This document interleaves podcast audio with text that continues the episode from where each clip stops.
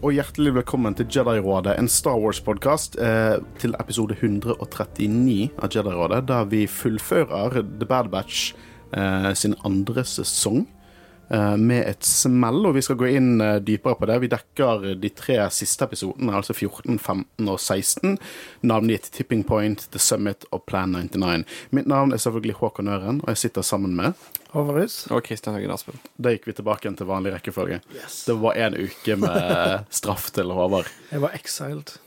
Men i forrige uke så hadde vi eh, mixed bag. Jeg kan si at vi syns det var en litt mixed bag forrige uke. Eh, ikke noe som var direkte dårlig, men det var noe som var bedre enn andre. Jeg ser Kristian litt uenig med meg. Ja, jeg er litt uenig, Litt. men uh, mer riktig å si da at dere to følte det var en mixbag. Ja, det var vi som var the, the, the Debbie Downers. Men uh, jeg føler i hvert fall at disse tre episodene er ganske Ganske awesome Bad Batch, egentlig. Disse er fantastiske. Ja, og, jeg, og jeg, den første episoden vi skal snakke om, er episode 14, Tipping Point. Den er litt sånn en setup-episode. Den setter liksom opp eh, den grande finalen, og jeg satte veldig pris på det Bad Batch gjorde nå, som de ikke gjorde forrige gang. Det var å slippe to episoder som sesongfinale. Det trengtes. Eh, og det gjorde at du følte impacten av det som skjedde i de episodene. Yep. Men vi skal gå dypere inn på det. Eh, før vi gjør det, så er det lyst til at Christian skal ta med oss på en reise gjennom sosiale medier. Det kan jeg gjøre. Eh, vi følger oss på Facebook, Twitter, Instagram og TikTok. Eh, vi setter òg veldig stor pris på hvis du har lyst til å gi oss en review på Spotify og iTunes. Og Facebook for en saks skyld, tror jeg. Ja, vi har to ja. reviews på Facebook. Ja, ja, jeg var litt usikker på om det var en eh, ting. Vi har kommet til en milestone, Ja. eh, og så gikk vi vekk fra milestone igjen. For vi fikk 500 følgere på Instagram, og så nå har vi 499. Åh. Ja, ja, men eh, det, det tar seg opp igjen. Ja, det tar, seg, gjør opp igjen. Ja. det tar seg opp igjen. Uh, en annen kul, eh, snedig funksjon som jeg egentlig ikke har delt med dere, jeg vet ikke hvorfor jeg holdt det hemmelig, uh, men det går an å kommentere på Spotify nå. På, per episode. Det, også- det har ikke jeg fått med meg. Ja, det er en ting. Uh, og så det er jo absolutt noe vi motiverer. Hvis det er noen der ute som ikke har Instagram eller Facebook, som vi respekterer veldig Hvis ikke vi måtte chille oss sjøl så mye, så kanskje vi ikke hadde vært på Instagram og Facebook. Men eh, det er en fin, fin verktøy for å interagere med dere. Men nå kan jo dere som ikke har de sosiale mediene, fortsatt sende inn til oss eh, på Spotify, så kanskje vi kan ta det opp av sendingen når vi ser noen nye kommentarer dukke opp. Mm. så det, det hadde vi satt pris på. Eh, uansett, nok om det. Håvard, likte du episoden? Jeg hørte så lite fra deg i dag. Ja, jeg, synes det var gode episoder. Eh, som du sa, det er en eh, setup-episode som eh, fullfører to fantastiske, spennende episoder. Så det Jeg syns de avslutter sesongen sterkt. Jeg vet du elsker det, Christian. Hva elsker jeg? Du er en solstråle når det gjelder til Star Wars, så dette, du elsket dette her. Ja, jeg, absolutt. Eh, og jeg føler hele ja, Uh, Jeg må prøve å formulere meg på en måte så jeg ikke går inn i spoilers, for dette her er jo spoiler-free talk. Ja. ikke det? Eh, men ja, episodene var eh, kanon, og som dere to sier, at eh, den første som vi skal snakke om i dag, det er en build-up til de to siste, og de to siste er så vanvittig bra og har en så stor impact i forhold til hele sesongen, føler jeg. Og jeg, eh, Vi nevnte ikke spoilers nå, men det kommer etter den lille pausen, når vi skal snakke om episode 14 Tipping Point, episode 15 The Summit og episode 16 Plan 99.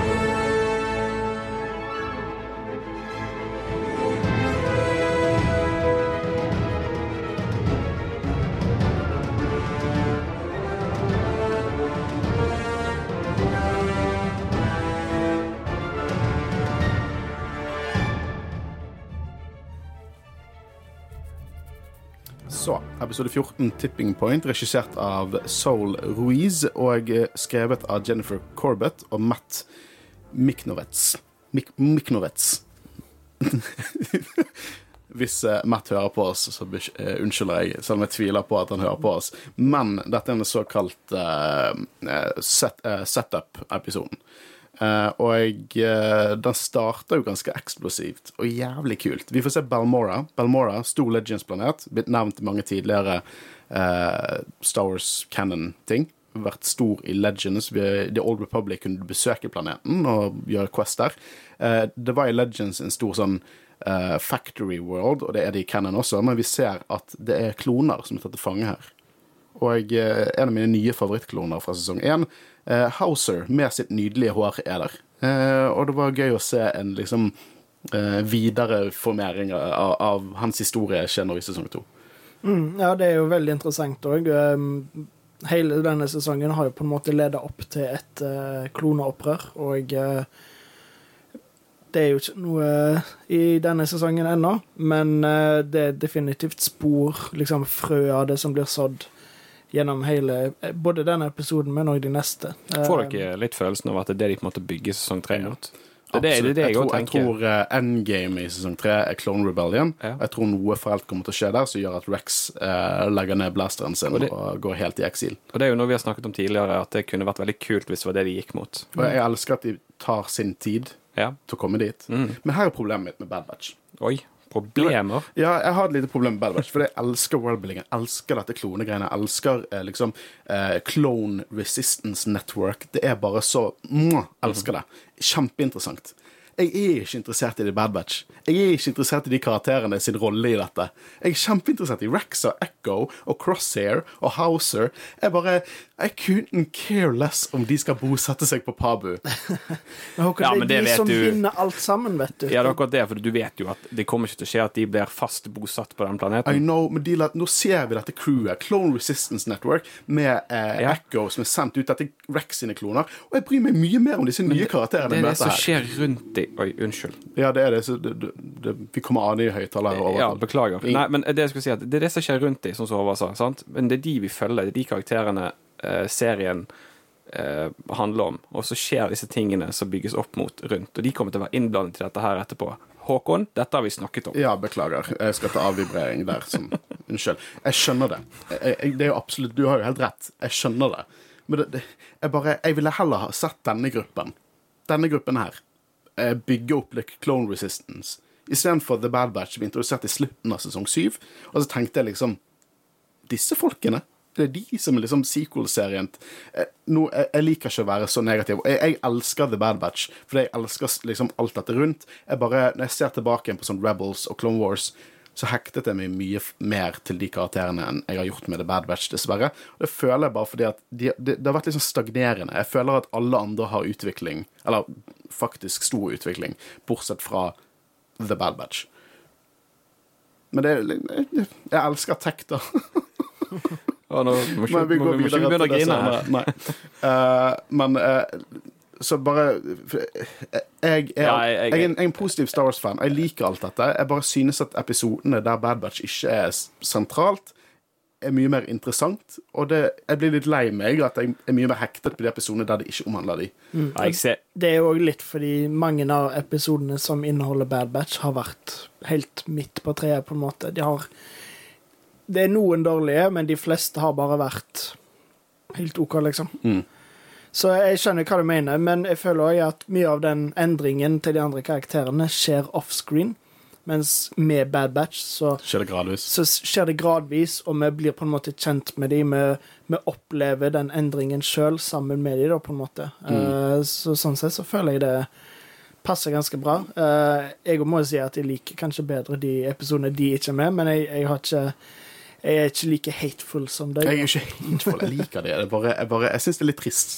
Det, men uh, uansett, denne gjengen her, The Clone Resistance Network, som Wikipedia så kaller de, uh, de skal jo intercepte dette fangeskipet med Hauser og disse andre klonene. Uh, og de bruker et skip som de kaller Remora, et transportskip. Jeg har ikke designasjonsnummeret til det, dessverre. Det har ikke blitt dikta diktert i Cannon ennå. Men jeg elsker hele denne sekvensen. Hvordan de går mot skipet. De har et leech vessel, sånn at de på en måte gjør det Imperial-skipet til en hamburger, så går de inn begge sider. Eh, kjempekult, dritfett. Jeg elsker hvor gritty disse klonene er, for vi møter en ny klone som heter Fireball. Awesome design, veldig Commander Grey, eh, som Yoda kuttet hodet av i Revenge of the Sith. Eh, Nemec, får håpe at han ikke er som Nemik eh, fra Endor og får bli knust av et eller annet. Eh, Echo er med der, og Gregor. Så det er, en, det er liksom en en kul batch her. Eh, og eh, de skal på en måte redde klonene. Eh, vi får et nytt selvmord. Det er vel andre selvmordet i denne sesongen, der Pears eh, prøver å slette databankene når, han ikke, når de truer ham for informasjon, så tar han selvmord med denne elektriske cyanidpillen sin. Jeg syns det er så morsomt, fordi mens han står der og venter på Eller når de kommer, så er han Han skjelver, han ser redd ut. Jeg er helt sikker på at han er egentlig mest redd for Empire, hva de ville gjort hvis de fant ut at han hadde mista masse data og sånn, så det er med en gang de finner ut at og de klarte å slette det. Nå trenger vi deg for informasjon. Så smiler han, og så biter han på den pillen. Ja. Liksom. Tror, jeg tror, du, tror du Hemlock skaper mye frykt i de som jobber for han? Garantert. Og spesielt også, siden han på en måte er sånn ghost. Han er, ingen vet hvem han er, egentlig. Og uh, han har nok mye friheter og en si det, nå, nå hopp, syk person. hopper jeg litt fram i, i tid på denne episoden, men de snakker om at han, han liksom han, han fikk sparken fra sånn Science Division under Republikken pga. sine gale eksperimenter. Jeg elsker det shitet der. Det er så klisjé, men jeg elsker det. Det, det er akkurat som han der um, i Game of Thrones. Han som lager liksom det- Pycelle, er det det Pi- heter? Nei, ikke Paisel. Du tenker på han som bringer Han som tilbake livet til Ja. Mountain. Eh, oi. Jeg kommer ikke til å klare ikke å huske. Han, spil, han spilte jo han der ene uh, offiseren i Andor også, så det har en connection. Ja, ja, stemmer Men, det. men uh, jeg elsker det. Jeg syns det er kjempegøy at de har sånn i Star Wars. Han er på en måte sånn doktor Frankenstein, og, og han er jo en psykopat. Bare med den der rolige stemmen, litt myke stemmen, og bare helt følelsesløs og helt kald. Eh, han er virkelig en fascinerende skurk. For vi ser mye sånn Tarkin som på en måte Han har en autoritet, liksom Tywin-esk, når vi trekker inn Game of Thrones. Og så har du alle disse snotty imperialsene. Sånn alle disse eh, keiserlige underoffiserene som ser disse tre episodene. Alle er så sånn German villain, ja! Det er liksom, alle er bare så stereotypisk sånn sånn snotty og eh, har ambisjoner, mens Hemlock er bare han har full kontroll, han er skummel, du vet ikke helt hva han tenker eller hva han vil gjøre. Uh, så jeg, jeg syns han er en kul oppgradering, eller noe kult annet enn det vi fikk i Rampart, som også gjorde sin rolle som en wannabe Tarkin, men uh, jeg liker Hemlock. Um, de gutta her, klonene, de prøver jo på en måte å finne ut hva er det som på en måte skjer her. De vil jo ha dataene her, de, hvor er disse klonene skal, og hva det som skjer. Og det er jo det som fører at de senere drar til, til The Bad Batch, fordi de trenger Tech sin eh, kunnskap. Uh, men vi får gå tilbake på Tantis, og jeg elsker at de trekker inn Mount Tantis og Wayland. Alt dette her er deep, deep legends der Thrawn bygde, skulle bygge sin klone her. Kjempekult. De trekker det inn nå i på en måte tidlig imperial era. Uh, det er virkelig eh, Air to the Empire-vibes, og de bygger opp mye ting i nye canon nå, også med Mandalorian, selvfølgelig. Eh, men vi ser Tantis, og der har jo vi møte mellom Crosshair og Hemlock. Eh, og kort fortalt er jo det at Hemlock er ute etter, etter Omega. eh, for å få Nala Say til å samarbeide. Noe som Crosshair ikke knekker sammen. Selv om Hemlock sier at du kan få friheten din, så knekker ikke Crosshair sammen. Så du ser der han har utviklet seg egentlig mest. Og jeg føler vi har fått mye, mye episoder som understreker hvorfor han utvikler seg. Eh, mer enn det sånn for Håvard, du snakket om hvordan folk utvikler seg offscreen. Jeg er veldig enig med sånn Rex og Echo til en viss grad. Med Crosshair, altså. Jeg kunne hatt flere episoder med han for den saks skyld. Og ikke fordi at vi ikke har fått nok, men det er bare jeg liker virkelig godt hvordan de har gjort uh, Crosshair denne sesongen. Men han er jo litt annerledes, fordi han er jo ikke Rex eller Echo. Han er en del av Bad Batch, selv om han har Han er på en break, eh, men han er jo en Bad Batcher, så Bad Batcher. ja. Så eh, jeg, jeg føler at det at vi får se han utvikle seg, det er jo òg veldig viktig. Mm. Uh, han blir jo torturert når han er smartass tilbake igjen til Hemlock, og eh, Hemlock er litt irritert over at disse klonene slapp unna.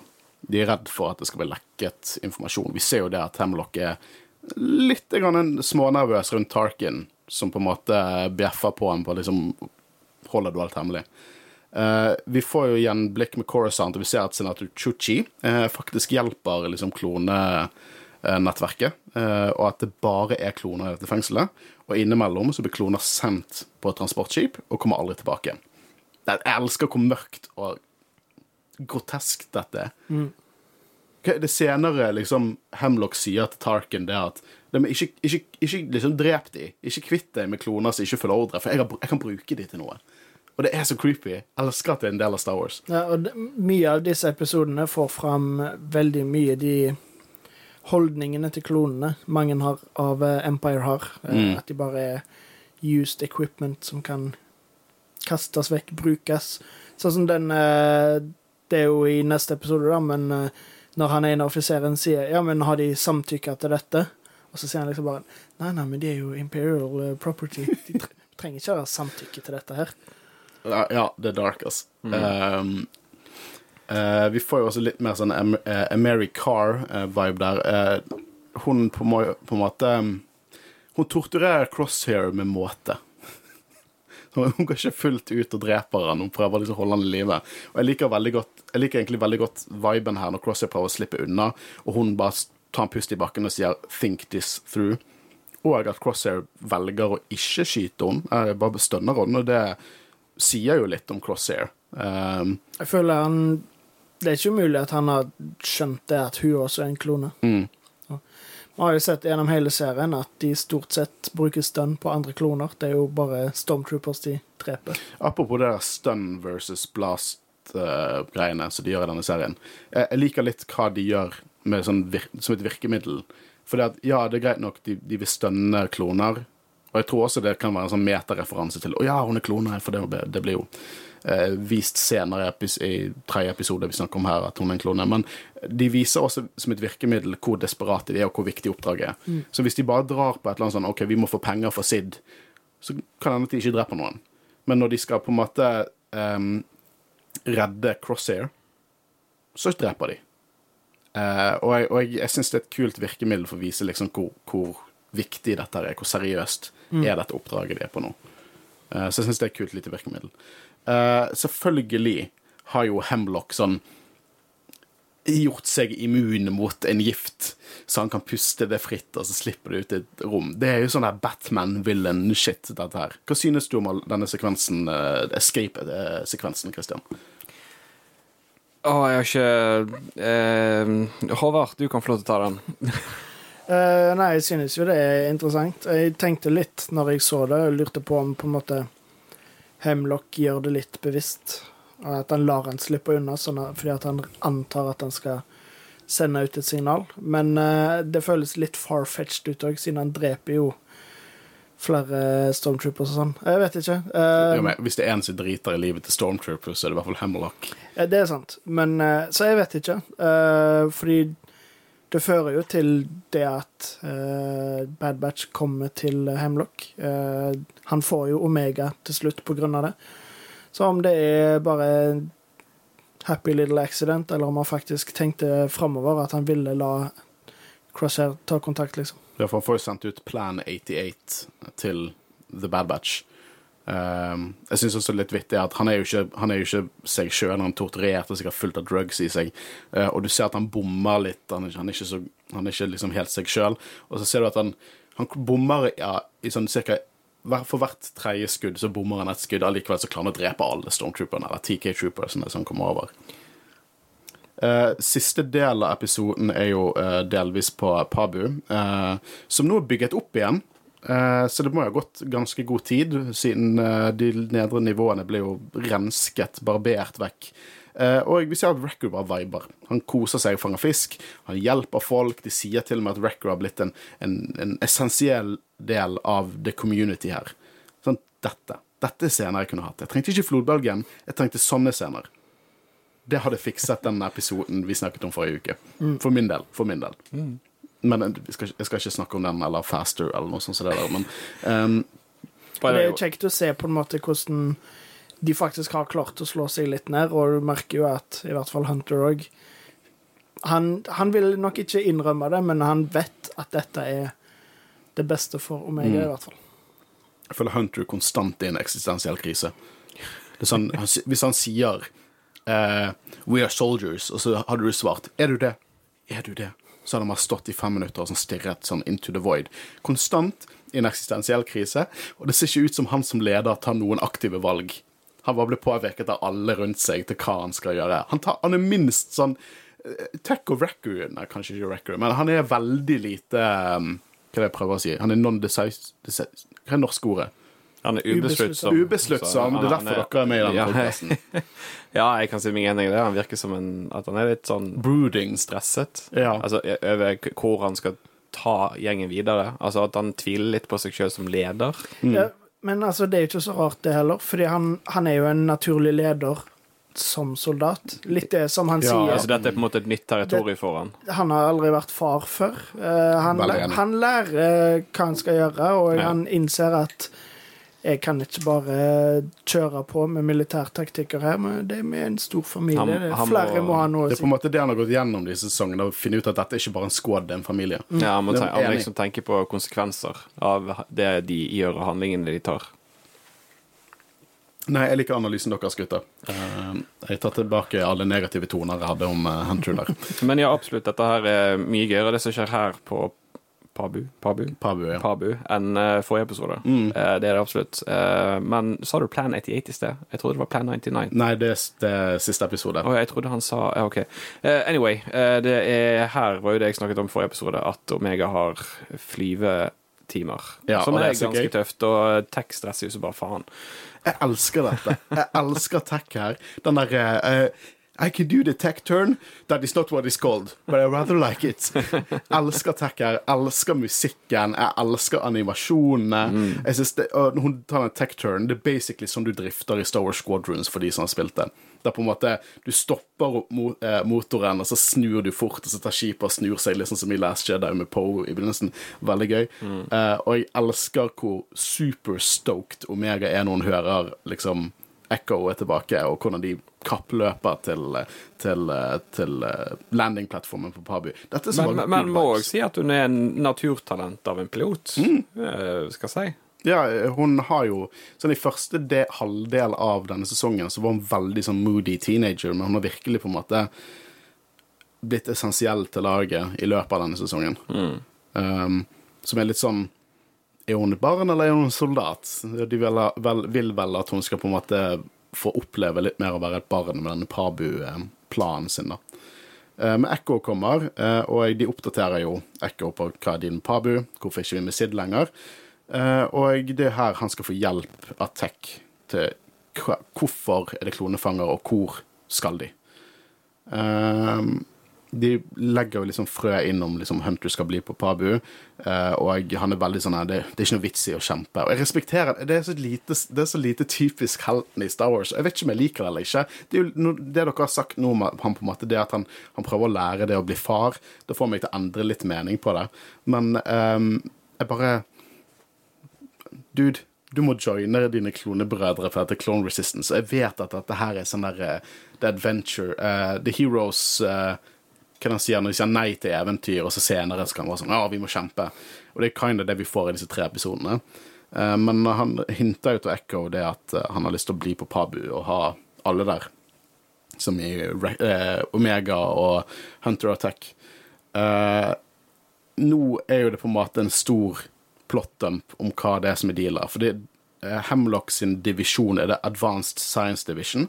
De finner ingen data om dette. Det eneste de finner, er navnet til liksom, Dr. Royce Hemlock. Uh, og det er her de finner ut dette her, at han fjernet, fikk sparken fra republikken fordi at han basically er en psykopat. Uh, og tilsynelatende så er det i den divisjonen Crosshair er. Men de finner ikke ut hvor han er. Uh, det er her de, opplever, de oppdager denne meldingen som Crosshair har sendt. De, ka- eh, kaller det Plan 88, The Seeker, som er enten de, en advarsel da, til at noen er ute etter dem, eller en felle. Og det er kult at de tar det opp, for det, det viser det at de er litt sånn skeptisk til Crosshair, som er naturlig. Men det, det skjer vel litt senere i episoden, men det at de faktisk nå tar seg sammen og sier at vi skylder Crosshair faktisk en sjanse til. Vi ga dem ingen sjanser. Nei, absolutt. Og I det at det på en måte var at de sier det at det kan være en felle i Jeg hadde ikke kjøpt at de ikke hadde tenkt det. Ja, De er jo Det, er god, det, det er godt at de på en måte At de ikke er For det, det hadde blitt en svak storytelling for meg hvis de bare sånn 'Å, vi må gå og redde han', men at de på en måte leker med tanken om at dette kan være en felle. Det vil si at de er konsistent med historien de har fortalt oss. ja. Uh, men jeg elsker det at de uh, liksom Nei, vi må stå opp for Crosshair. Vi ga han ingen sjanse. Og det var jo legitim kritikk Crosshair ga de i sesong én, i at dere løpte for å redde Omega. Hvorfor kom dere aldri tilbake igjen for meg? Så bare dyttet han lenger vekk i sin rolle. Eh, og det satte jeg veldig pris på. Eh, vi får jo eh, noen mer scener med, med Potentis. Det er Hemlock som på en måte har en samtale med Tarkin, eh, som er ganske bekymret over disse klonene og dette clone resistancen. Og det er jo her Hemlock sier at Men du, ikke drep de. For jeg kan bruke de til noe bra. Og vi må jo tro at denne Assassin-klonen som vi så tidligere i sesongen, eh, spiller en rolle inn der. Det er mange gøye teorier om at det er eh, første Dark Trooper-prosjektet og litt sånn forskjellig. Veldig mye gøy, som sikkert ikke er sant, for det er for kult. Uh, oi. Eh, men Tarkin, han vil ha en rapport på dette her. Uh, det er mer tortur på Crosshair. Uh, nekter fortsatt å gi info, selv om han tilsynelatende skal få friheten sin. Uh, så viser at han virkelig bare ikke stoler på The Empire lenger. Og det var uh, første episode. Har vi noen flere tanker på denne episoden? God build-up. Skal vi hoppe videre til den episoden jeg syns er den beste av denne trioen av gode episoder? The Summit.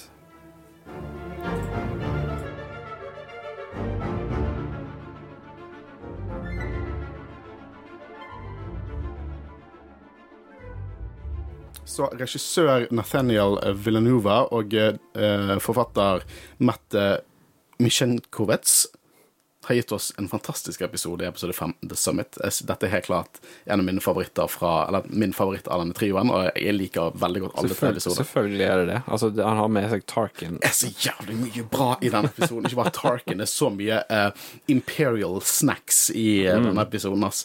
Uh, det er jo begynner akkurat der det we left off. Bad Batch finner ikke noe utenom Science Division osv. Uh, men Echo har eh, litt info om at Hemlock han skal på et Imperial Summit på et summit. Det skal være på toppen av et fjell, så veldig passende navn. Men det er sånn typisk sånn build-up til en sånn heist. Bare sånn Ja, men jeg har informasjon at denne personen skal tilbringe så skal dit de neste dagene, og vi kan dra dit for å tracke han videre til Cross Area.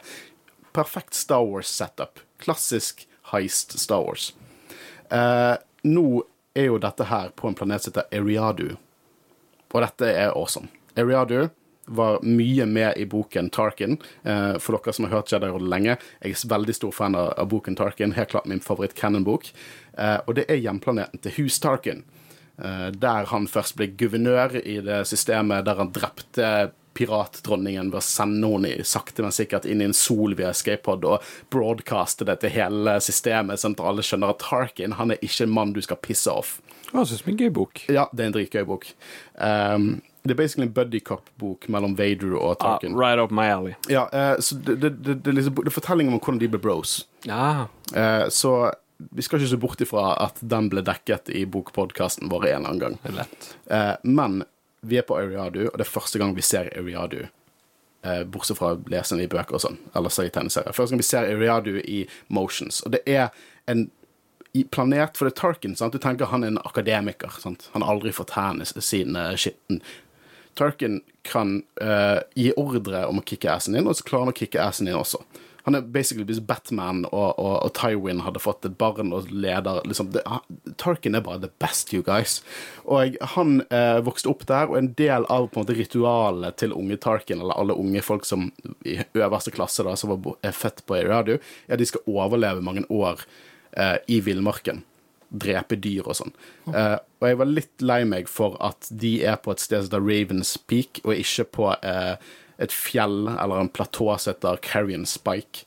Eh, for det er Carrion Spike et sted der han på en måte Det var mye som skjedde i Tarkin-boken på Carrion Spike. Han har oppkalt det sitt flaggskip The Carrion Spike på grunn av det, så jeg syntes det var litt gøy hvis det var på The Carrion Spike, men jeg tror det er mye mindre.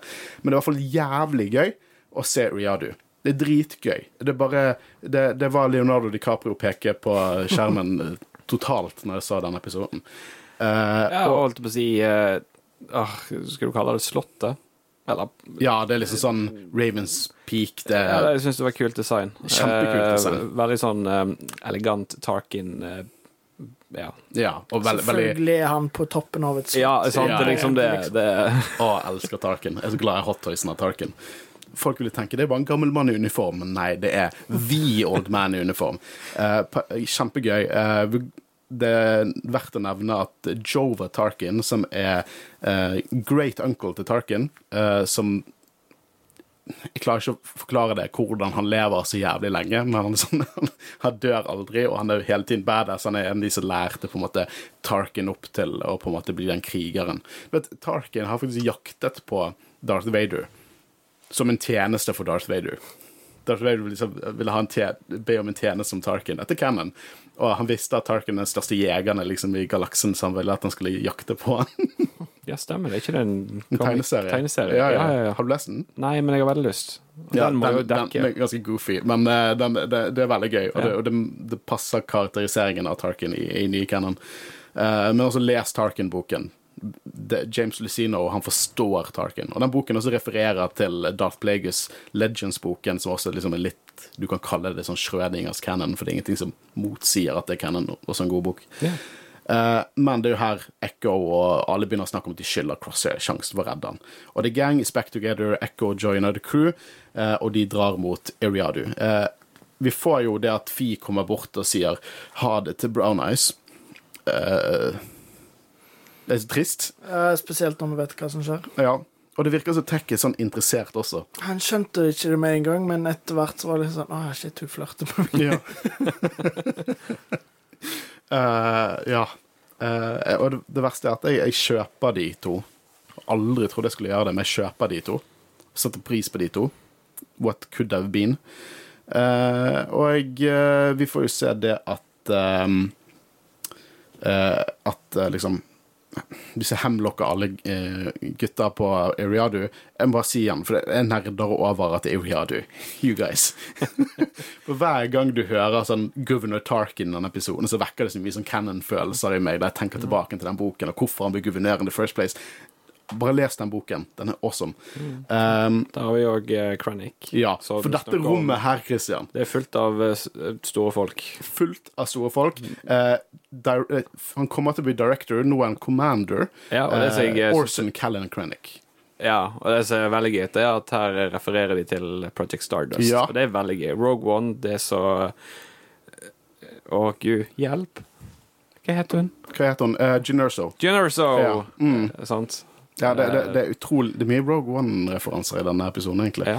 Men uh, det er jo selvfølgelig Death Star. Uh, det er Ben Mendelsen som har stemmen hans. Men spørsmålet mitt er Har de brukt Ben Mendelsen sin stemme fra Rogue One? For han sier bare sånn 'Of course, Governor Tarkin'. Ja, jeg er helt sikker på at det må jo være bare et Men de har også reklamert for at å, vi, Ben Mendelsen spiller Krennic i Bad Batch.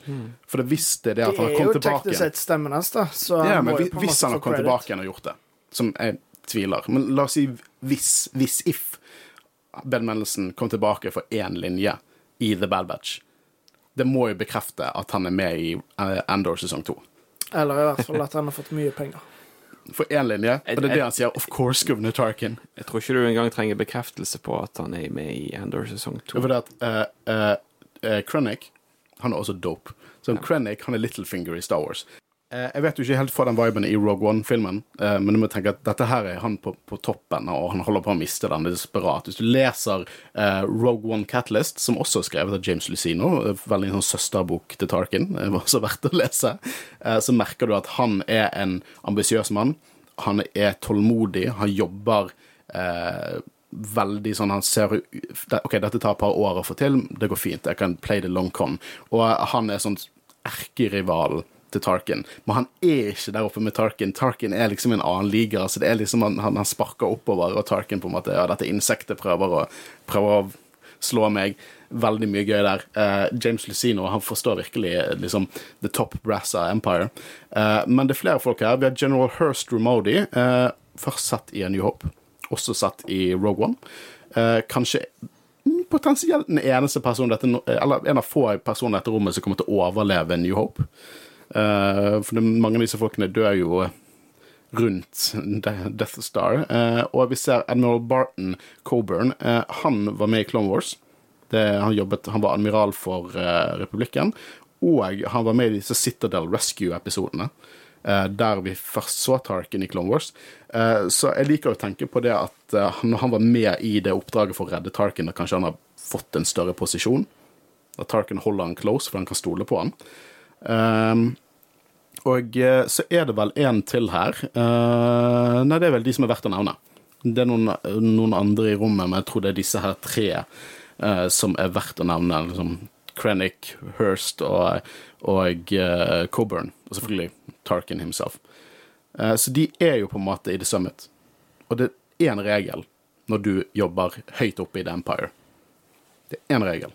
Hvis du ikke har The Force, Når du ikke er Palpatine eller Vader, så er du ikke på toppen. Ikke, piss, ikke prøv å ha en pissekonkurranse med Tarkin. Bare, bare, bare ikke gjør det. Det går aldri bra, og det er at Hemlock kommer inn og på en måte pisser han litt off med at 'å, jeg lar dere vente på meg', aldri lurt. Hem, allerede der vet jeg at Hemlock kan komme til å dø en smertefull død. Om det er ikke Tarkin, bare, du gjør ikke det. Alle som pisser off Tarkin, de dør. Uh, dette, alt som skjer her inne, er bare dope. Jeg elsker det. Det er, det er bare dritfett. Åh, jeg elsker Cannon, ass. Uh. Um, Vi får jo også litt mer at, eh, at The Bad Batch er på vei inn mot uh, Eriadu. Wrecker er glad Echo er tilbake. Eh, veldig mye koselige scener der. eh, og de flyr liksom forbi blokaden fordi de har for, selvfølgelig Intel for Echo. Eh, og det er gøy å faktisk se blokader. Eh, etter min skuffelse over den, det, det ene skipet som var eh, ved Count Dooku sin Warchest, så det er gøy å faktisk se blokader. Det er tre Venators, og det er sikkert mange flere offscreen. Eh, og musikken her, konge. Filmatisk sett i disse episodene bare mwah. Dette er Tarkin sin base. Ja. Den må være godt beskyttet. Hjemplaneten, altså. Ja. Det, det, det er liksom sweet old home til Tarkin. Kjempegøy. Men jeg syns animasjonen er bare blitt så mye bedre i løpet av sesong to. Og det så bra ut fra før, men jeg vet ikke om det er gjort bevisst, men i hvert fall Hemlock. Når jeg ser han, måten han er animert på, så tenker jeg på Arcane, den Netflix-serien. Mm. Han på en minner meg litt om han ene hovedpersonen Ja, okay. kanskje det er bare det at han minner litt sånn på utseendet, men jeg føler òg at det er noe med animasjonen som akkurat som det, Mm. de har henta litt inspirasjon derifra. Men jeg lurer på om de, de putter litt forskjellig budsjett inn. For det, det er ikke alle episoder der jeg blir sånn wow med animasjonen. Nei, men det er vel ganske klassisk stil at de bruker mindre penger på én episode for å putte enda mer penger i en annen episode. Som de Jeg lurer på hvor mye penger de brukte inn i Faster.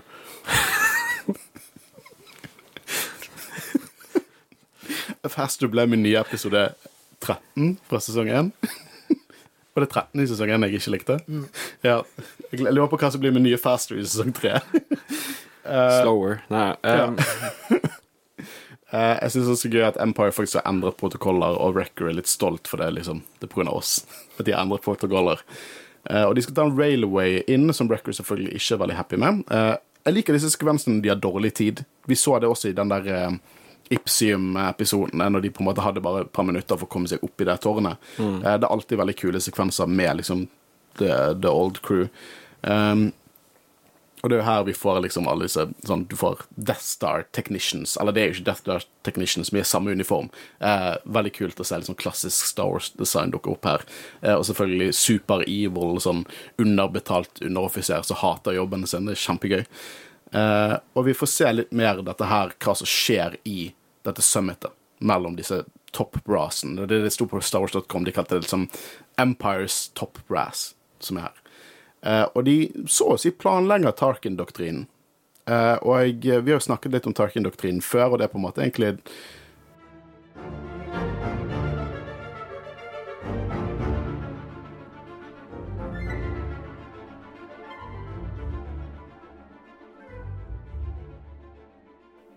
Så Tarkin-doktrinen, veldig kort fortalt, er hvordan er vi mest skummel og truende, slik at folk gjør det vi vil de skal gjøre. Folk holder seg in line.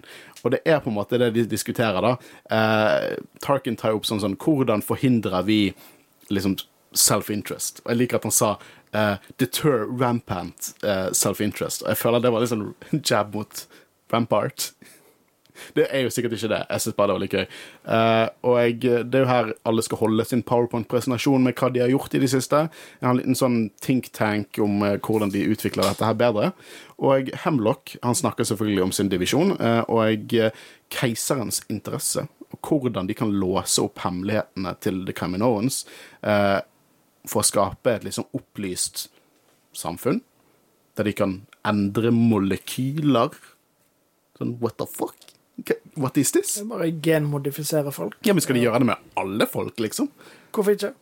altså, de, Gjøre de alle kan. underdanige, liksom, til Ja, det er sant. Det kan være negativt. Ja, dette her er sånn Warhammer 40K-type dark shit. Uh, og Tarkin han er ikke en tålmodig mann. Uh, han liksom Han er ikke fan av hvor mye ressurser Hemlock krever til dette her. Men Håkon, you can't rush science. Det er det han sier. Du så episoden, du. Uh, for han vil jo ha alle kloner. Ha alle kloner til sånn test subjects. igjen jævlig mørkt. Og så helt klart noen som er menneskelig, og selvfølgelig uh, er det i hvert fall en av de som jobbet for Republikken som snakker om det er Ramodi og Coburn som snakker liksom om klonene, om hvordan sånn mm, Har de gitt sin tillatelse til dette her? Er det Kyburn han heter, han er fra Game of Thrones? Ja, han heter han heter Kyburn. når du sa Coburn. Ja. Stemmer. Ah, okay. Uh, men Remodi sier jo på en måte dette her og blir rettet på at dette er imperial property. Uh, og uh, han sier jo igjen da at senatet er ikke veldig fan av dette, for du har flere senatorer som jobber for at, at liksom klonene skal ha eh, en viss, eh, viss liv, da, og ikke bare bli brukt som objekter. Så dette må jo selvfølgelig bli holdt hemmelig, sånn at ikke de får noen politiske problemer. Eh, Coburn eh, han snakker jo opp klone, og han var jo admiral under klonekrigen. Vi har sett han i Clone Wars, og han snakker rett og slett opp eh, klone. At disse her er lojale, gode krigere, og de fortjener mer, og da tar Tarkin og retta på dem. For at de gosh darn Jediene de inspirerte de til å tenke selvstendig, så nå er de ubrukelige. Nå må, Jediene har ødelagt de, da kan ikke vi leke med de lenger.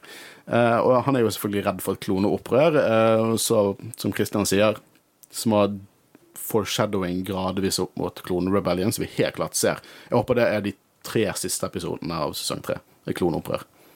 Det er liksom bygd opp. Jeg er hypet. Eh, og så avslutter vi med Commando Krennic, som snakker om Project Stardust, cutoff. Men den historien kjenner vi. så trenger vi ikke gå dypere inn på det. Eh, objektet her er jo det at de skal eh, sette en tracker på Hemlocks skip. Eh, og liksom, Jeg gidder ikke gå inn på alt ulike my mye dippeditter de gjør. Det er kult at Omega på en måte er litt mer aktivt i på en måte hvordan de gjør det. Jeg liker at uh, Wrecker faktisk stoler på henne, at uh, hun er en del av crewet nå. Ja, det er akkurat Dette det. klarer du. Gå bort og fiks det. Jeg ser Guro satte ikke pris når han trakket gjennom en mastroid Hun er en stor defender av mastroids Nei, men det, det er sånn som Håvard sier, altså hun eh, eh, Du ser at nå er hun en del av teamet, og hun eh, Record gir henne lov til å gjøre den farlige delen. Det er jo et farlig oppdrag, sånn sett, hvis du ser på det. Og du ser også at Record han, Record liksom fun and games helt til han må dead serious. Han er en kalkulerende fa- farlig kriger. Ikke undervurder Record. Han, han, er, han, er, han, er, han liker å ha det gøy, men han er også en god kriger. Ja, du skal ikke kødde med han. Og eh, det er jo noe ugler i eh, mosen her, for det at Tech finner jo eksplosiver. Når han finner at, eh, at security-systemet på en måte blir tampered med. Og det er rett og slett så Guerrera og hans andre fanatiske terrorister som er. Jævla så Guerrera, ass. Og da tenkte jeg Vi har hørt Project Stardust, og vi ser han. Ja. Ser vi da Gin Erso? Nei, det er hvert Ja, du For om fire år så blir han til Force Whittaker. Det er litt av en evolusjon. Og så henter han uh, Henter han Gin på den planeten som jeg aldri husker navnet på. Men ja, fem år, fire år så blir han til Force Whittaker. Det er litt av en uh, utvikling. Det må være fire tunge år. Ja, Ikke jo at Force Whittaker Han er en kjekk mann, men Men eh, jeg hadde jo også uansett Når jeg eh, sa det og tenkte det, så tenker jeg òg at hun er jo relativt ung på denne tiden her. Ja, og hun er Eh, baby. En toddler, ja, liksom. så, uh, men uh, next season Ja, hvis de hopper i mange år, så er ikke det umulig, men jeg tviler på det. mm. For å være helt ærlig. Men Jeg ser jo for meg at vi får et lite time jump, da, men, ja, kanskje. men ja. Men jeg syns det er viktig med So Guerrera, for So Guerrera var jo helt klart en det ble en karakter som ble laget av Josh Lucas til Clone Wars. Eh, og jeg, så tror jeg det var litt sånn tilfeldig at han ble brukt igjen i, i, uh, i Rogue One. Det var liksom den Kaina matcher, liksom. La oss bruke en sånn deep cut law-karakter, og så er det litt gøy. Og så i mellomtiden så bruker de, er de så jævlig De prøver liksom å få han til sakte, men sikkert bli til Force Whittaker. Og det er umulig å få det vi så i Clone Wars til å bli Force Whittaker. Det er bare så forskjellige liksom, personer. Og øyenfargen hans er all over the place. Er sånn grønn, blå, brun. Det er liksom Hans øyenfarge kan du. Ja, Sorry. det er canon. Du er ikke canon. Bare for å gi kontekst til det jeg spurte Håkon i sted hva farger Kristian er lei seg for jeg ikke vet øyefargen. Jeg vet ikke min egen øyenfarge. Sorry, avsporing. Vær så god. Ja, og så Guerrera, han er en fanatisk uh, terrorist, basically. For det, han er jo der bare for å pisse off The Empire, sånn at de blir mer og mer monstre. Det er jo det han gjør. Det er ikke det han før, tror han gjør, men det er jo det han gjør. Han er jo han er, han er ikke særlig smart. Liksom Tech sier OK, så du vil heller bare drepe disse folkene istedenfor å skaffe intel, og du anerkjenner ikke at når du dreper disse folkene, så kommer bare nye og erstatter dem. Nei, nei, men I don't care. Bare drepe disse folkene. Ja, han, det er jo vi kjent med at han er jo en extremist, hva er det Ja, på norsk? han er en terrorist. Ja, men han er jo terrorist, liksom. Han er, liksom han, han er jo ikke Han er ikke The Empire, men Saw Gerrera har drept sivile. For, Ja. På grunn av liksom, det kan han. Har drept sivile for å på en måte fremme sitt formål om å knuse The Empire. Ja, men i hans tankegang så er det eneste muligheten for Mm. å lykkes. Han, eh, han er på en måte en mindre intelligent Luthen. Luthen er jo Use my enemies weapons against them, liksom. Ja. Det er liksom den logikken, men uh, Saw Gerrera, han er Jeg elsker Saw Gerrera, men jeg hater han in universe. Han er min nye Mace Windu. Ja. Og det er ikke noe pga. hudfarge eller noe sånt. Det, det var uheldig kobling. Ingenting der. Men han er skikkelig, han er skikkelig ekstremistisk, og du, du får liksom se det her, da. Uh, og jeg, han driter nå i det at, uh, at The Bad Batch de eh, er ute etter å på en måte redde mange av kloner, for det, det tenker han at det er ikke vits å redde de så lenge du kan ta ut Tarkin. Så da blir det på en måte dilemmaet her, da. Eh, The Empire blir jo eh, on them nå, og det er liksom kaos. Og jeg, eh, jeg liker veldig godt jeg må si, jeg liker godt de nye sjokktrooperne, TK sjokktrooperne til Tarkin. Jeg syns det var kult design. Jeg er ikke sånn helt Jeg er veldig fan av TK Troopers med tanke på at det er Ralph McQuarrie sitt design de har dratt inn. Det syns jeg er en kul liten touch. Jeg bare viber ikke så mye med Jeg syns de ser ut som Stormtroopers, bare dummere. Men kan hende fordi at de er basically Stormtroopers, bare dummere. Eh, men det ender jo med en stor eksplosjon. Tarkin går på lockdown, og de er på en måte stuck på denne railcaren. Uh, og det avslutter jo med at Saw Gerrera slipper unna, sprenger basen uten å ta ut en eneste essensiell Imperial dude. Her har bokstavelig talt kun pisset off Tarkin, som sitter i et møte for å planlegge hvordan blir vi The Empire. Og så tar Saw Gerrera bare dytter de til å bli enda mer ekstrem, uten å oppnå en dritt. Han oppnår ikke en dritt. Han bare skaper kaos og indirekte dreper en person. Eh, så vi kommer til å få vite noe i neste episode. Dette er basically part 1 av 2. Så vi, vi kan komme med liksom mer konkluderende tanker etter vi er ferdig med Plan 99, episode 16, eh, regissert av Stuart Lee og skrevet av Jennifer Corbett. Eh, starter rett etter. Og hvordan taklet dere dødsfallet til Tech?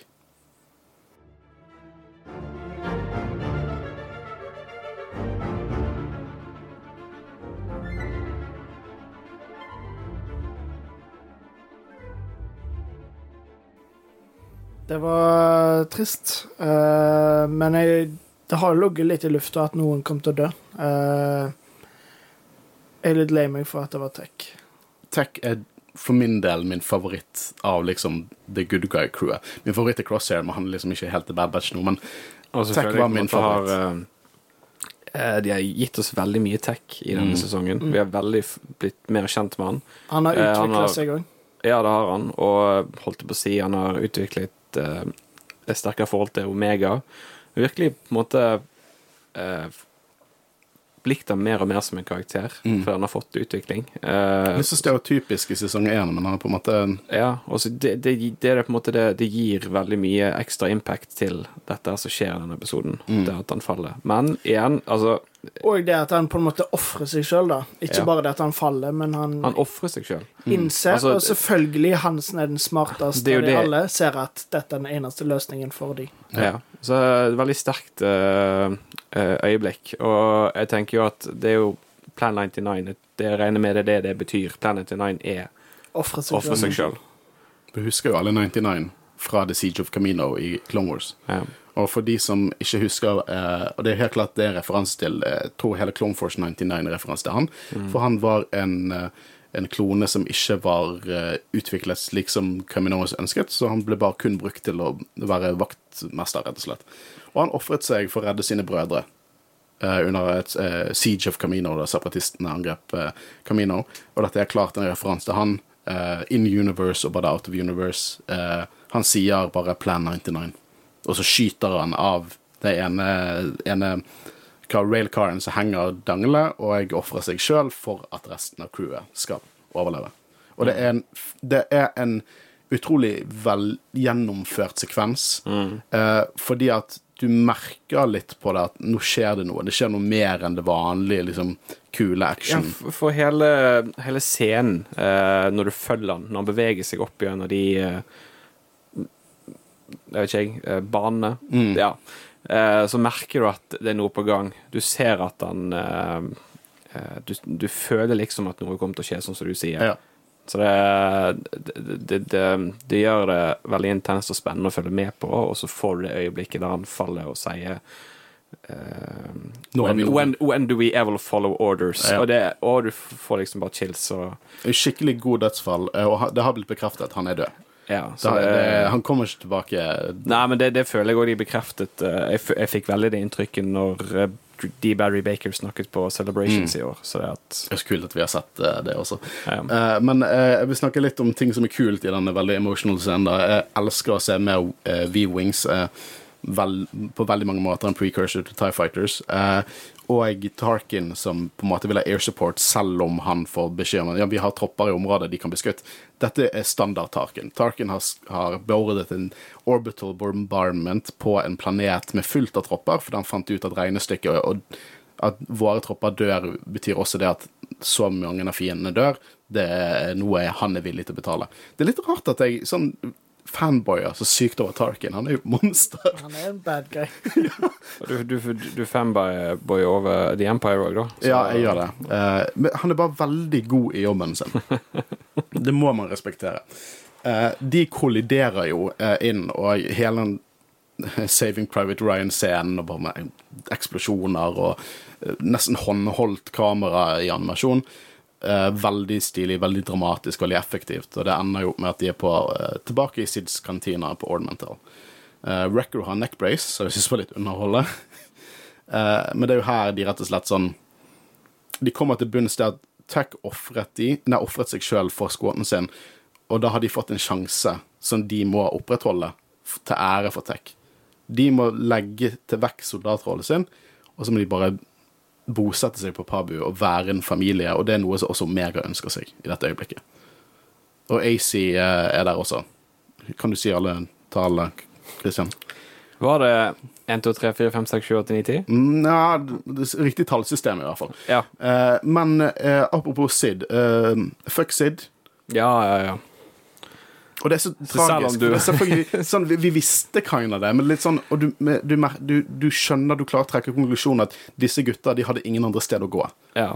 Det er Ja, ja det, det var jo det de måtte. De måtte til Androiden. Ja. Uh, men holdt jeg på å si, vi, vi, uh, vi fikk jo hint til det, og uh, det kom jo ikke som noen sånn stor overraskelse, føler jeg, da, at hun ofret de. Hun Nei. er typen til det. Men jeg føler jo du ser, mens de tar med seg uh, Hvorfor er jeg så håpløs på navn? Wrecker og Ja. uh, Ja, basically. Uh, jeg, du ser liksom litt skyldfølelse i henne, men jeg vet ikke om jeg kjøper at hun har skyldfølelse, for hun vet nøyaktig hva hun har gjort. Ja. Men jeg, jeg føler at hun vil det egentlig ikke, men hun så på det som siste utvei for seg sjøl òg. Ja, men det, akkurat, det, akkurat den eh, Det uttrykket hun får jeg- her, har jeg sett tidligere. Ja, så jeg føler det er, det er litt kunstig. Ja. Altså ikke, ikke animasjonsmessig, men av henne. karaktermessig. Ja. Jeg, jeg, jeg bare er litt lei av at liksom, her har du en Trandoshan som kan være en good guy, og så Ja, ja. kaster hele den eh, fiksjonelle rasen under bussen sant, med Sid. Eh, men ja, vet du hva, Eh, jeg tror hun kanskje ønsker at hun var bedre. Jeg tror ikke det er siste utvei for henne.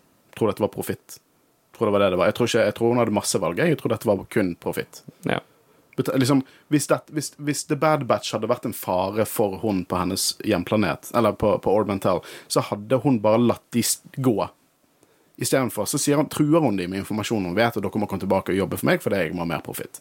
Så jeg tror dette var 100% egoistisk. Jeg tror ikke det var snakk om at hun ikke har noen vei ut. Jeg tror ikke dette var en Lando Calrissian moment. Liksom Det Lando gjorde på Bespin, var ingenting i forhold.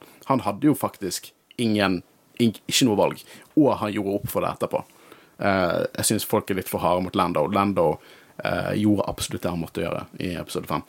Uh, men det som skjer, er jo det at hun, hun selger jo de ut. Hemlock og fullt av, eh, av Clone Commandos kommer, og eh, de holder uh, Record til fange, mens på en måte Omega og AC gjemmer seg. Hunter legger ned blasteren sin. Han takler ikke mer tap nå, eh, så han legger ned blasteren sin for Wrecker sin skyld. Og den scenen og Hemlock kaster gogglesene til, til Tech der, og han vil ha Omega. Det er jo ikke Hunter villig til å gi han, men han legger i hvert fall ned blasteren sin. Eh, og de blir tatt. Jeg syns det er veldig gøy å høre det når de stønner Wrecker, at det krever i hvert fall tre stun-blast for å ta han i bakken. og det er tre, sånn tre kommandoer som holder han nede på bakken mens han har en neck brace, for det én person er ikke nok. Jeg syns det er gøy. Eh, noe annet som er gøy, er å se proto-ATS-tier, altså et nytt uh, mekanisk beist i AT-AC. Mye mer clunky. Um, Veldig sånn, Synes jeg tårn på to bein. Uh, veldig kult å se det. Liker looket veldig godt. Og da får vi på en måte en show-off igjen med Omega versus Hemlock, der hun prøver å redde sine, sin familie, da, selv om de har bedt henne om å stikke. Og jeg, hva er det å, å si her? Han prøver jo på en måte å fortelle Omega om at Nala Say trenger hennes hjelp, og, og jeg hun vil ikke gå med han, og så tar Scorch, det, min favorittboy fra Delta Squad, som nå er bad guy, eh, tar henne ut. Eh, og det viser seg at Tarkin vil snakke med de personlig på Eriadu, som aldri kan være positiv ting. Ja, og det er egentlig Omega. Det, det holdt jeg på å si at hun går tilbake for å redde de to. Det, det er akkurat det hun ville gjort òg. Hun ville ikke ha rømt av gårde, som hadde fått beskjed om. Opprettholde karakteren. Og det som blitt hun har aldri forlatt familien sin. Eh, Echo og AC er jo de som på en måte kommer til unnsetning her og tar over en walker og skaper masse kaos. Uh, du ser at Record er livsfarlig med eller uten neckbrace, eh, eh, men det ender jo med at Hemlock klarer å ta Omega. Og hele den sekvensen når Hunter innser at shit, hun er tatt. Og de kan ikke legge fra seg eh, soldatrollen ennå. Eh, utrolig tragisk. Sånn Order 66-vibes med musikken, nesten. Eh, veldig stilig, og som liksom zoomer inn på rommet hennes, og de snakker om liksom det at de skal finne noen. De klarer ikke å tracke Hamlocks sitt skip, selv om de sy- tilsynelatende hadde festet en tracker der, men for en eller annen grunn klarer ikke det. Nei, men vi så jo at det sprengte. Ja, ja, sant. Riktig. Eh, Jævla Saw Gerrera. Altså. ja, ja. Jævla Saw Gerrera. Sant? Ja, så, avslutter eh, sesongen med Tantis, der eh, Omega og Nala Saber reunited, og vi får litt mer innsikt på dette med keiserens prosjekt, noe hun mener ikke er mulig. Dette må jo være force-kloning. Det må jo være det de refererer til. Ja, vi har jo Eller, jeg vet ikke om vi har spekulert, men jeg vet at mange har spekulert at uh, Omega er force sensitive. Men jeg håper ikke det. Jeg tror ikke hun er det. Nei, det har vi jo lagt fra oss. Men, jeg- ja, men jeg tror eh, liksom, Hemlock ville ikke ha tak i Omega pga. noe med Omega. Han ville ha tak i Omega fordi at Say bryr seg om Omega. Mm, for å true, liksom. Men det er noe mer med Omega som vi ikke skjønner, for vi møter jo nå Emery Carr, som er også en klone. Som ikke egentlig var så diskré nå når jeg ser det på nytt igjen. Hun kommer der og snakker akkurat sånn som Omega. Eh, Ser ganske lik ut òg. ja, jeg vet ikke hva det betyr. Jeg vet oppriktig ikke hva det betyr at hun også er en klone. Fordi um, hun er jo relativt gammel, så da er jo enten Det er ikke sikkert at hun er som Omega, da, som vokser er for det, ja, hun er jo, er jo ikke det, for Jangofet Jango Fett ble jo ikke klonet tidligere. Liksom, Omega er så gammel en datter av Jango Fett hadde vært. Eh, så hvis hun Ja, hun er jo også en klone av Jango Fett, så jeg tror vi kan konkludere med at hun har uh, den uh, raske eldringen, aldringen, som alle de andre klonene har. Men hva det innebærer at hun er liksom Er hun en klone av Omega? Det kan hende. At hun er søster. Ja. Jeg, jeg bare Jeg eh, Jeg vet ikke hva det betyr. Nei, altså Jeg, jeg liker det. jeg liker Ja, ja, det. det- det- det Når jeg ikke har noe peiling på hva som skjer i Star Wars, liker det veldig godt, men jeg, jeg, jeg vet ikke hva det betyr. Ja, for det gir oss på en måte en eh, Dette er jo en cliffhanger. Ja. Jeg synes det, så det det, Ja. Vi ser litt sånn laboratorie, masse tubes og Mm. kloner som ligger på bord, eh, inkludert Crosshair. Eh, veldig dark, dyster avslutning. The Empire Strikes Back, if you will, av, eh, av uh, Star Wars-animasjon. Eh, og Crosshair og Omega blir tvunget sammen, og det syns jeg er interessant. Eh, det gleder meg til å si, se hvordan de to får, danner et forhold i sesong tre. Og jeg håper de tar seg litt tid med det. Eh, Jeg håper egentlig generelt at ehm, sesong tre tar seg tid og er fokusert. At det ikke blir så mange sånne små episoder som ikke har så mye å si med plottet. For nå har vi fått ganske mye utvikling, eh, så nå er det egentlig Vi trenger ikke så mye mer nå. Vi trenger utvikling mellom Omega og Crosshair. Mm. Mm.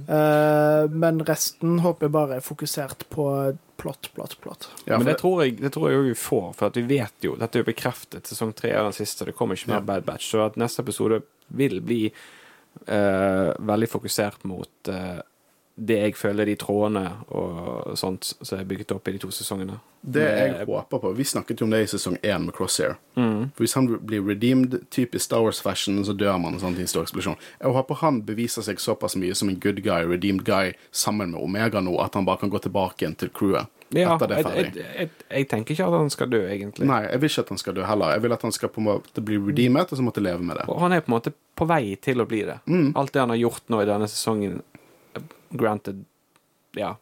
Ja, jeg elsker eh, For vi kan snakke litt om sesongen generelt, er det vi hoppet inn i nå. Mm. Eh, alle episoder med Crosshair mwah, Perfekt Star Wars-animasjon. Digget det.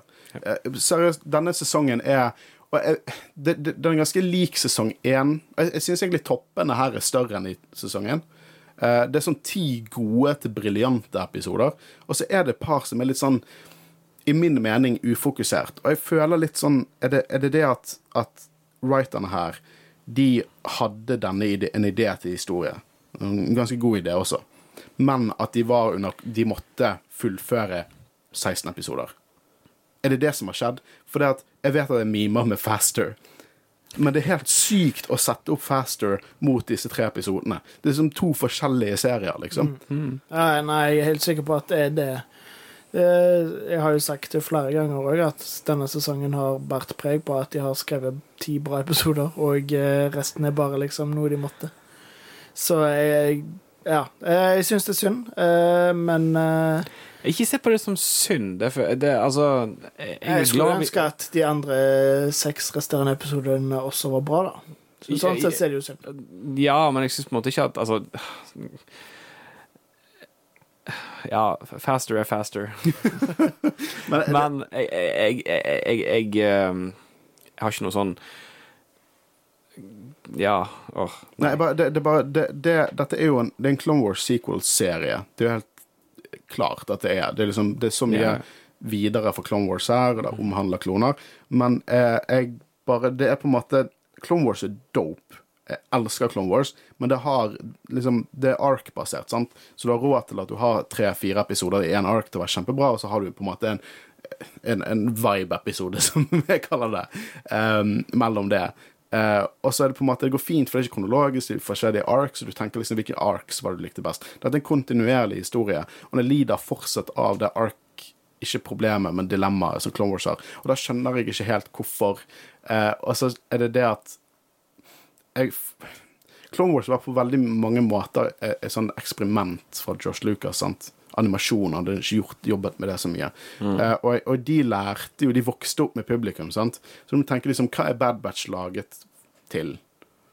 Hvis ikke de som vokste opp med Clone Wars. Du kan på en måte argumentere for at de er laget for begge publikum. Ja, ja, ja, sant? Det med det tanke det på de episodene de som vi nå har snakket om, og de episodene vi fikk nå, de som vi har snakket om. Ja, jeg bare føler ikke de har helt klart, helt klart å bestemme seg for hva de skal lage. For du har på en måte clone conspiracy, hidden network, polit, eh, eh, politikk rundt eh, dype dilemmaer, som hvordan kloner har det, og Imperials da selvmord, og så har du Faster.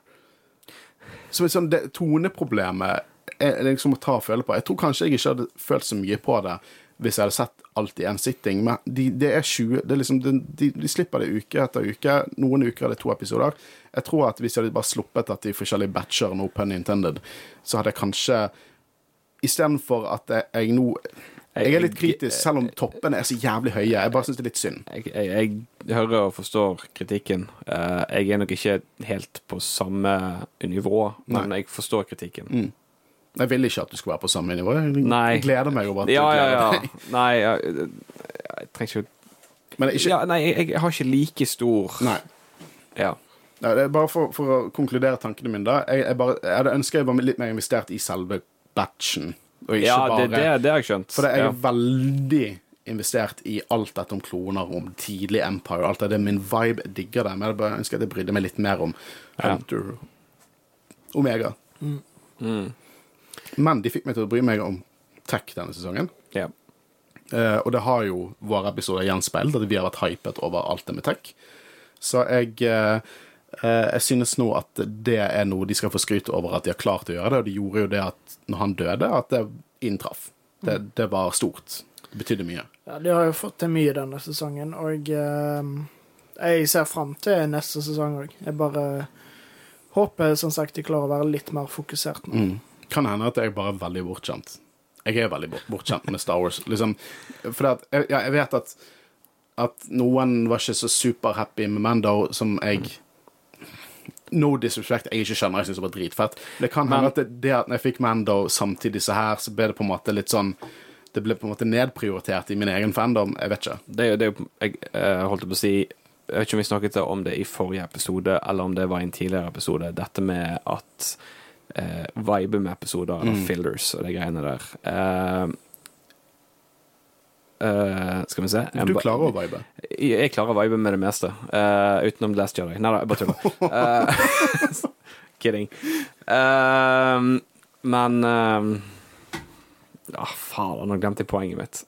Du gjør som regel det, men vi kan henge det opp igjen. Det er episoder her som ikke er plot-episoder, og det er fine. Det er det du mener. Ja, det er det, det, jeg mener. Ja. Eh, og der kan jeg på en måte si meg enig, for at eh, jeg hadde satt pris på om det var flere episoder som fulgte eh, det som serien prøver å bygge opp mot. Mm. Men jeg har ikke noe personlig imot at de på en måte fyller inn litt eh, Hva skal du kalle det? Avsporingsepisoder. Eh, selvfølgelig så kan det bli for mye av de, men uh, jeg syns det er veldig kjekt med worldbuilding, og eh, eh, Nå skal ikke jeg si at Faster var en stor worldbuilding-episode, men um, Ja, vi fikk jo en ny jeg, jeg, sport, jeg, liksom. jeg, så, lenge de har, så lenge de har på en måte en god kontinuitet og en fin eh, tråd som på en måte uh, bygger opp historien på, så går det fint med sånne episoder der Mm. du på en måte kan få et pusterom. Det er en episode du enten vibe med eller ikke, det er en filler. Eh, så jeg forstår argumentene deres, og jeg skjønner kritikken, Ja. men jeg er ikke på samme nivå. jeg syns at eh, det er en sunn eh, logikk. Jeg ønsker at jeg eh, Men jeg er på en reise, sant. Ja, Som ja, ja. Jeg, jeg, jeg, er veldig på det vibe-greiene, sant. At det er en del av mediumet. Det er ikke bare at det skal være rett til poenget, sant. Du skal Mm. Vibe litt med det. Så jeg er der sjøl, og det kan godt hende at uh, når vi begynner Og så kan du på en måte si at den episoden med Faster Nå skal jeg forsvare den, Håkon. Nei. Skal- Altså, eh, uten den episoden så hadde du ikke på en måte eh, fått eh, dette med Sid, og når de ble advart mot at hun kan forråde dem, og du ikke bør stole på henne. Men det har vi jo fått i mange andre episoder episoder ja, okay. da. ja, men den her fikk du faktisk noen som sa det direkte til dem. Nå prøver jeg å forsvare Faster her. Det går ikke an. uh, nei, det var, det var, beklager. Uh, det var mye liksom negative uh, toner fra min del, men jeg, jeg likte liksom disse tre episodene her var helt nydelig. The Outpost, nydelig. Jeg syns det var litt eh, Jeg var ikke så fan av sesongstarten, men den med Crosshair og, og Cody, altså Cody igjen, helt konge. Dritfett. Elsket det. Mm. Uh, så det, det er utrolig mye bra her. Utrolig høye topper. Ja, ja. Mange kongeepisoder. The Ja. Summit det blir vel egentlig kanskje min Det blir vel din òg favoritt. Men Ja, det, det er nok den som ga meg størst nerdboner, eh, må jeg si. Bare se Krennic, altså. Åh, det er gøy å se Krennic og Tarkin. Og, ja, konge. Elsker det. egentlig ser på 15 og 16 som én episode. Ja. Eh, så det, det er litt sånn Det er litt sånn jeg går tilbake til The Bad Batch, så kommer jeg nok til å se enkeltepisoder. Jeg gidder, jeg gidder ikke se alle episodene. Jeg, liksom, hvis jeg skal ha det kun en rewatch som fan, og ikke at jeg skal researche til podkasten, så kommer jeg nok til å hoppe over et par episoder når jeg ser det på nytt igjen. Yeah. Eh, som jeg, jeg håpte jo kanskje vi, måtte, vi kom til å unngå, med tanke på at dette var mer lineær fortelling enn sånn som Clone Wars er. Men sånn er det. Jeg er i hvert fall glad vi får så mye bra Star Wars for tiden. Um, men dette var vel uh, vi, Det kommer fler, mer Jedi-råd i sommer. Det gjør det. Uh, men litt sånn eksperimentelt innhold. Eh, vi kommer ikke til å ha en aktiv sånn Star Wars-dekking før uh, oppramsingen mot Asoka. Uh, men vi kommer til å ha en liten sånn bare en litt avslappende oppsummering fra Star Wars-sesongen som har vært, episode. Der vi bare snakker litt om hvordan det har vært eh, med Star Wars i det siste. Hvordan det har vært å være Star Wars-fan. Hvordan det har vært å være podkast-creators eh, under dette Star Wars-tiden det siste halvåret. Eh, og så kommer jo dere to til å ta oss med på en reise som ikke strengt talt er Star Wars, men det er veldig sånn Star Wars metarelatert. Kanskje dere snakke litt Det om det? det? skrev vår- George Lucas, da. Vår uh, kjære Håvard er jo nå en master i arkeologi. Han sitter faktisk med en hatt, Jedi en figura Master. og en pisk. Så uh, hva skal vi dekke, Håvard, som passer Vi det? skal i anledning med at det kommer en ny Indiana Jones-film, som dessverre har fått Men det er ikke det har Nei, glem det, glem det. Ikke snakk om det. Vi har ikke sett den den sjøl. skulle bli bra. Vi- Ja, men det vet du ikke. Vi har ikke sett den ennå, Uansett, vi skal dekke Om vi dekker alle nå i sommer, det vet jeg ikke, men vi skal i hvert fall dekke liksom- noen av eh, de Indiana Jones-filmene. Ja. Og absolutt alle episodene av Young Indiana Jones-serien. Nei, det skal vi ikke gjøre. Da må vi ta uh, Jedi Adventures òg. Jedi, denne nye barneserien. Er Nå nå er dere way off rails her. Vi skal kun dekke Indian Jones-filmene.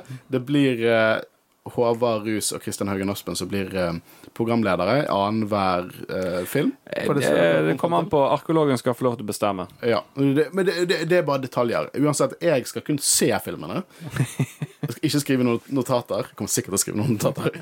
Og så skal vi snakke om det, og eh, vår utrolig dyktige composer Arild Øren Vanvik, eh, han eh, jobber nå med en Indiana Jones-theme til oss. Og dette betyr ikke at vi flytter oss vekk fra Star Wars i fremtiden. Dette er kun fordi dette er Josh Lucas-centric. Og fordi at det er noen sånne eh, egyptiske hieroglyfer i eh, Raiders of the Lost Ark, der R2D2 og C3PO er med. Det, er det på en måte søsterprosjektet til Star Wars. Det er så nærme på en måte i, i visjon og, og, og eh, produksjon at, eh, at eh, rett og slett eh, vi føler det er passende. Så det, det på en måte er sommeren vår, og så blir det opplading til Asoka. Uh, så det er mye vi skal ta tak i der. Selvfølgelig har vi Jedi Survivor spoilerpodden. Uh, den er det bare dere to det står på. Hvordan, Ja. hvordan går det? Nei, altså, jeg, jeg begynner om to uker. Du begynner om to uker. Ja. Men Eh, eh, jeg, jeg er garantert ferdig på én dag. Er du ferdig? På én dag, det er du ikke. Challenge accepted. Er du ferdig? Nei, ikke ennå, men jeg har spilt nesten hver dag siden jeg leverte masteren. Kan du spoiler-free snakke litt om hva du synes om spillet? Jeg liker det jo så utrolig godt. Det er Jeg vet ikke om det er de som har gjort spillet bedre, eller om det er bare jeg som er blitt bedre eh, enn i uh, Du har spilt Elden Ring. Det er sikkert det siste. Du er blitt bedre. Du har spilt Elden Ring. Ja, men eh, det hadde jeg jo òg når jeg spilte Fallen Order. Det var jo det som fikk meg til å prøve det igjen. Det er litt mer tight. Men Toit. i hvert fall måten det får deg til å føle deg som en jævla badass Jedi, er så fett. Mm. Eh, spesielt når du har upgrada f.eks. double lightsaber, der du kan ta og eh, hoppe framover og spinne gjennom flere fiender og bare utføre komboer. I dag, før vi spilte inn, så spilte jeg, og så tok jeg en backflip over en fiende og force-pusha den over en klippe. Kult. Det var bare Det, det er så kjekt å bare være en badass Jedi i det Ja, spillet. det er et kjempegøy spill. Eh, Awesome. Og igjen, hvis folk eh, eh, veldig må høre spoilerpoden vår, så er det en liten stund til. Men i mellomtiden, hør spoilerpoden til Spillmagasinet, der det er meg, eh, Guro Vågan, min forlovede, og Marius Haugan fra eh, Spillmagasinet, som dekker det spillet i en halvannen time lang spoilerpod. Eh, det er mye law og, og hint av Jedi-rådet i Spillmagasinet sin episode der. Eh, så i mellomtiden er det kanskje en god sånn smakebit fram til, eh, til de to slowpokesene foran meg får fullført uh, er. Survivor. Ja. Uh, uansett, mitt navn er Håkon Øren. Jeg har sittet sammen med Avarus. Og Kristian Høgen Aspen. Og vi snakkes neste uke. Ha det godt. Ha det godt.